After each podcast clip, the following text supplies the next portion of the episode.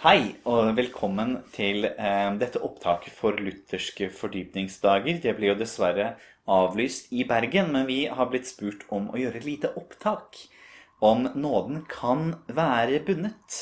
Og jeg heter Eirik Cornelius Garnes Lunde. Jeg er prest i Den lutherske kirke i Norge. Og med meg så har jeg Zakarias Ingolfsson. Jeg er eh, også prest i Den lutherske kirke i Norge og sokneprest i, i Messiaskirken. Og det er jo vi sitter jo i Messiaskirkens lokaler, som er da i Adventkirken i, i Ulsrud i Oslo. Så sitter vi her oppe på, på loftstuen og prater litt. Mm.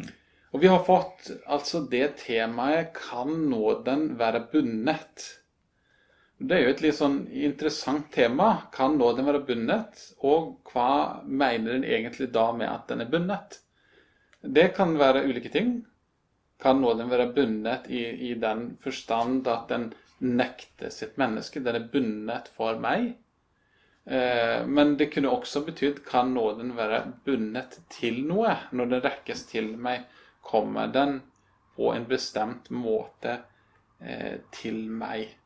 Det er i hvert fall to måter, og vi skal faktisk snakke litt om, om begge deler. Men kanskje vi skulle begynt med å, å snakke om eh, ikke hvordan nåden er bundet, men hvordan nåden er fri. ikke sant? Ja, fordi på den eh, Bibelen den taler jo om at Kristi verk, det han gjorde på korset, det er virkelig noe som er for alle.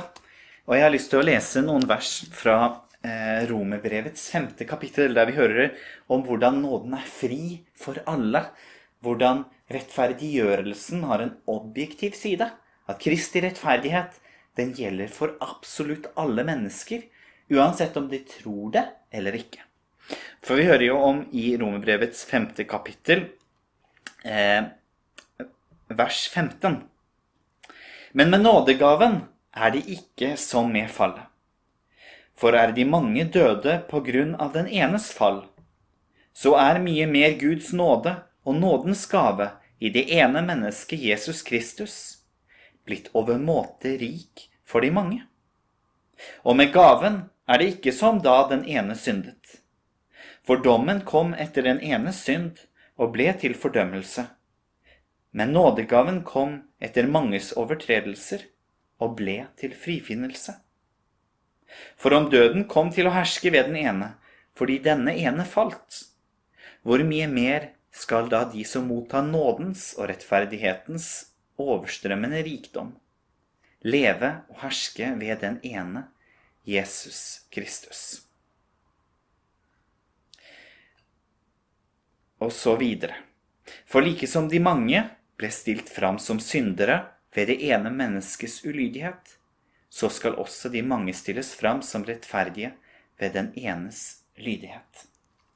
Så her hører vi nettopp om hvordan det er en parallellitet i det at hele menneskeheten ble lagt under synd da Adam falt.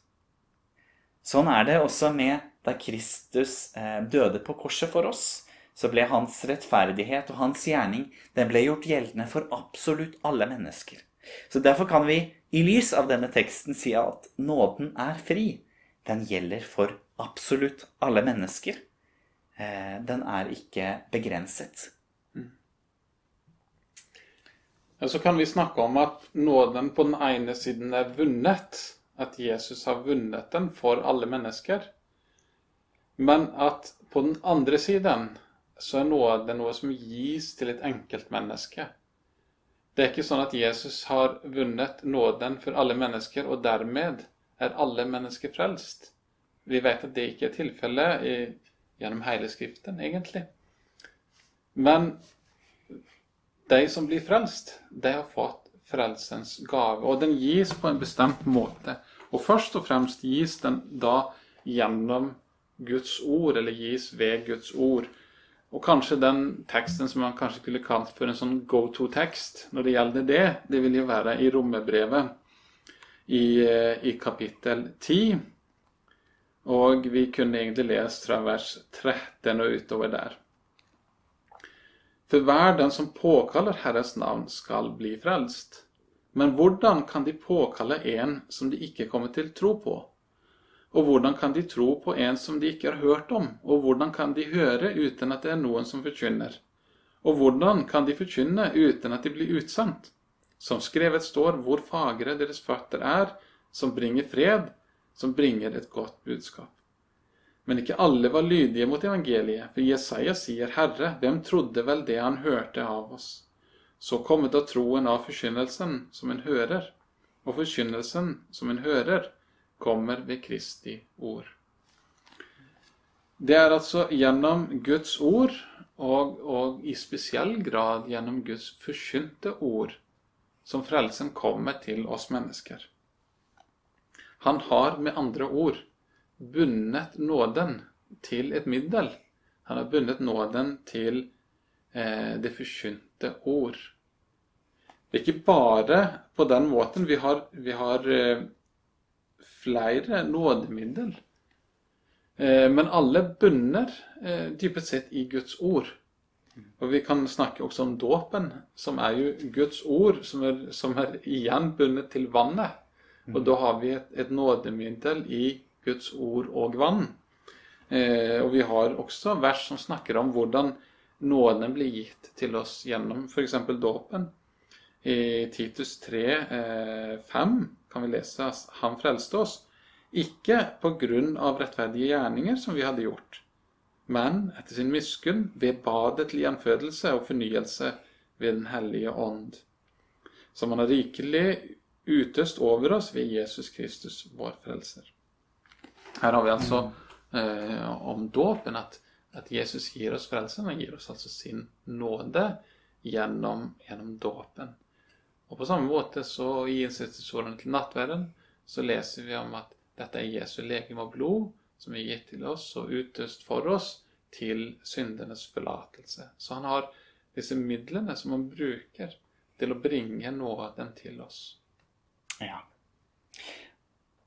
Og så har vi også i tillegg til dette eh, det forkynte ordet i skriftemålet. Det kan vi noen ganger glemme, men det er nettopp fordi det henger sammen med forkynnelsen. Egentlig så er det sånn at all forkynnelse, eh, både den vi hører fra prekestolen, og den vi hører når vi er i skriftestolen eller kneler i skriftemålet eh, Begge disse ordene vi hører der om forlatelsen, det er Guds midler for å gi frelse til oss.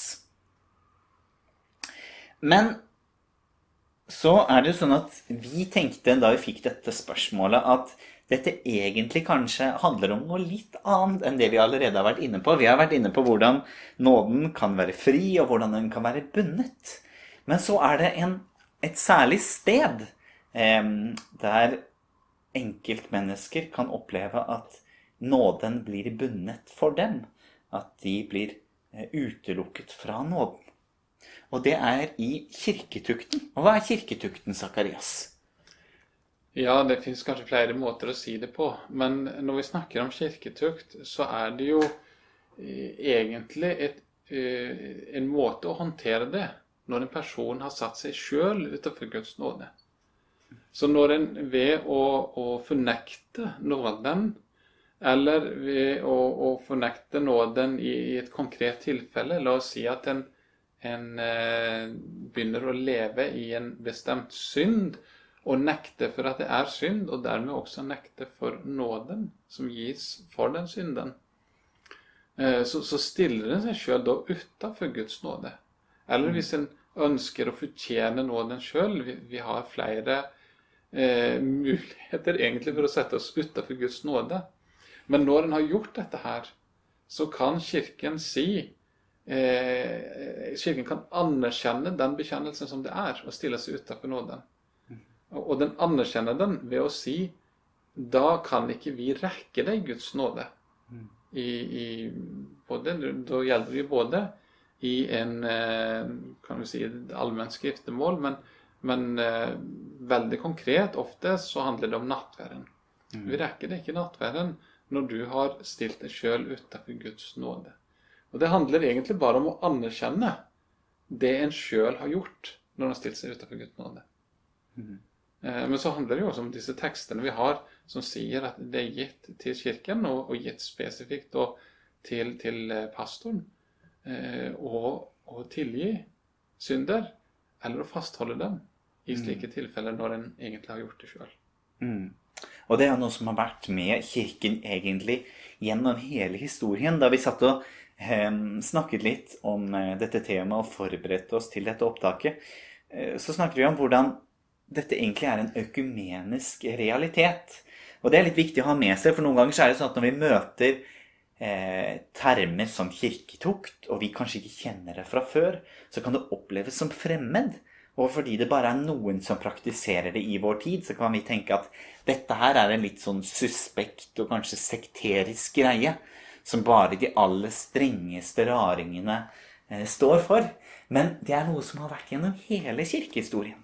At kirken, den binder synder, og den løser synder. Den sier at de som lever i åpenbar synd, og som ikke vil ha Guds nåde slik den tilbys oss, eh, i ordet og i nattverden, og vi har fått den i dåpen, eh, da må Kirken faktisk si at ja, du har selv sagt deg selv eh, utenfor nåden. Og derfor må vi på en måte bekrefte dette valget du har gjort, ved å utelukke deg fra særlig nattverdbordet. Og jeg tenkte jeg syntes det var litt spennende da jeg satt og leste litt eh, på nettet da vi forberedte dette. For hvis man går på Store norske leksikon og leser det som står om kirketukt der, så står det faktisk om Den norske kirke. I Den norske kirke kan personer som fører et åpenbart forargelig liv, nektes adgang til nattverden. Det kan også stilles krav til de som skal være faddere. I praksis gjennomføres imidlertid ikke kirketukt i folkekirken. Altså er dette en tradisjon eh, og en praksis som har vært med også Den norske kirke veldig, veldig lenge, men som først eh, i den senere tid har falt ut. Så der ser vi på en måte restene av den økumeniske praksisen som vi har hatt eh, i de aller, aller fleste kirkesamfunn opp til vår tid. Mm. Og det kan jo danne et litt nyttig bilde for en nyttig bakgrunn eh, for det vi leser i Skriften om kirketukten. Mm. Og så er det naturligvis sånn at, at poenget med kirketukten er ikke i seg sjøl å bekrefte noen i sine synder, eller, eller å utelukke noen fra nattverdbordet. Eh, det har jo et langsiktig mål med kirketukt. Og det langsiktige målet er selvsagt omvendelse og det å bli innlemmet i fellesskapet på nytt. Det er alltid målet, og hvis det ikke er målet, eh, da har det et feil mål. Så enkelt er det. Kirketukten skal alltid ha den hensikta å bringe en tilbake inn i fellesskapet. Vi har konkrete eksempler på det i Skriften, f.eks. i første Korinterbrev. I kapittel 5, de første fem versene der, så snakkes det om en, en mann som har gjort noe så grusomt at eh, til og med de som er utenfor kirken, anerkjenner det som grusomt. Og han skal utelukkes fra, fra fellesskapet. Så virker det som at det er samme mann det, som igjen er tema i, i andre Korinterbrev, i kapittel 2. Og da virker det som at han da har omvendt seg. Det er ikke helt greit eller helt enkelt å, å få grep på om det er samme mann eller samme sak det snakkes om, men det kan tyde på det. Og, og, og det er jo litt av hensikten. Da har hensikta fungert i, den, i det tilfellet. Da har han angret, og da har han omvendt seg og blitt en del av, av, av det kristne fellesskapet igjen og tatt imot nåde. Mm. Så det er jo alltid det som er, det er, jo det som er målet.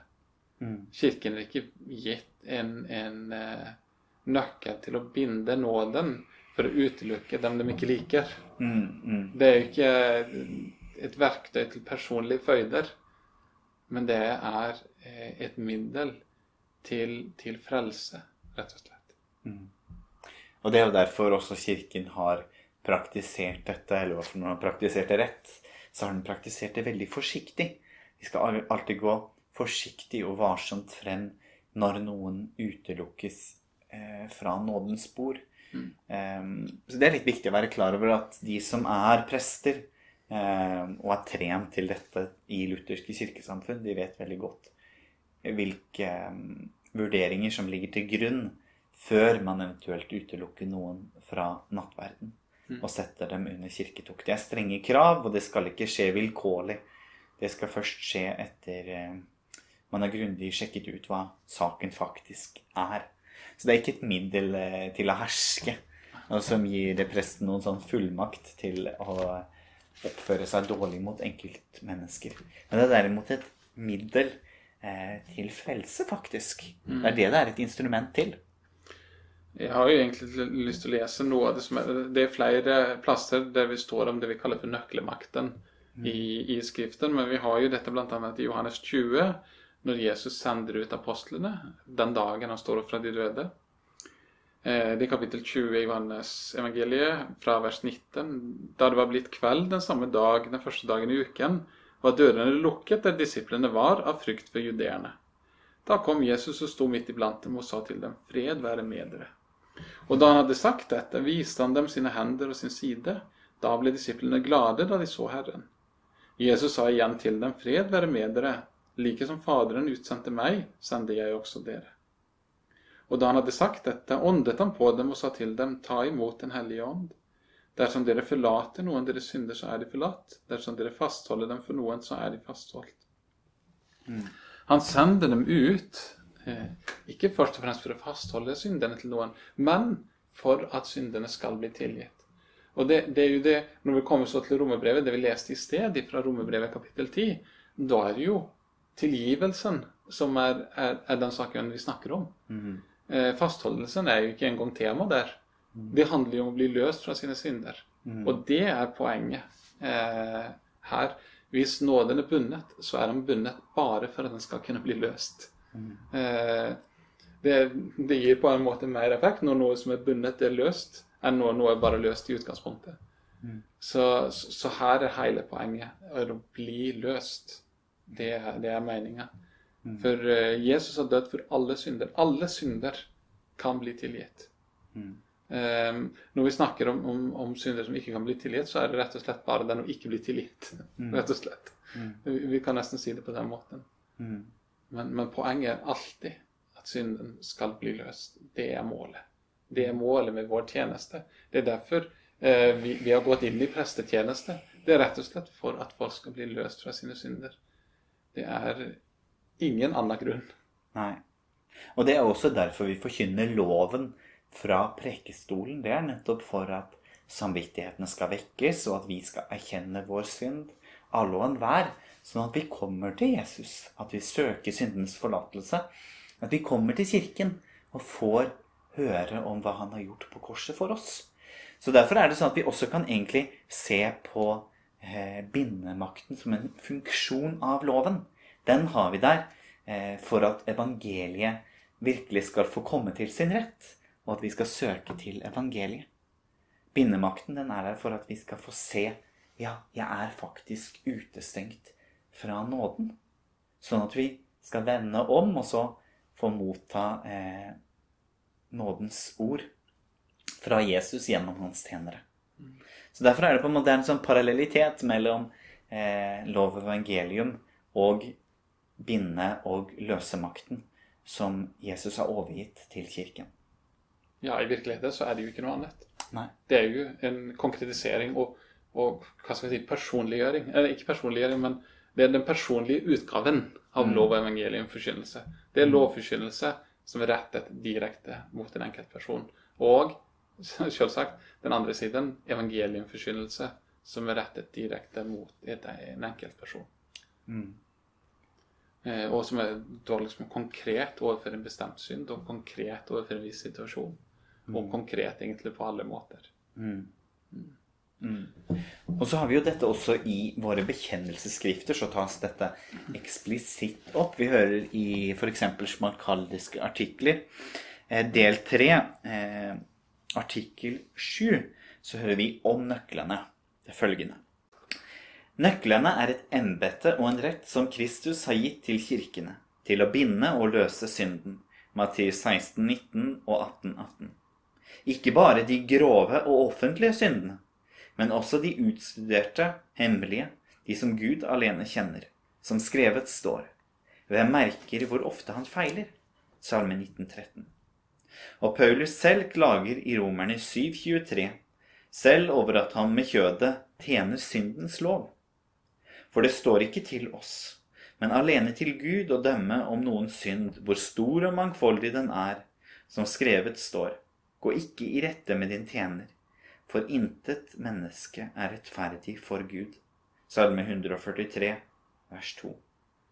Og Paulus sier i første kor 4.4.: Vel er jeg meg intet bevisst, men dermed er jeg ikke rettferdiggjort.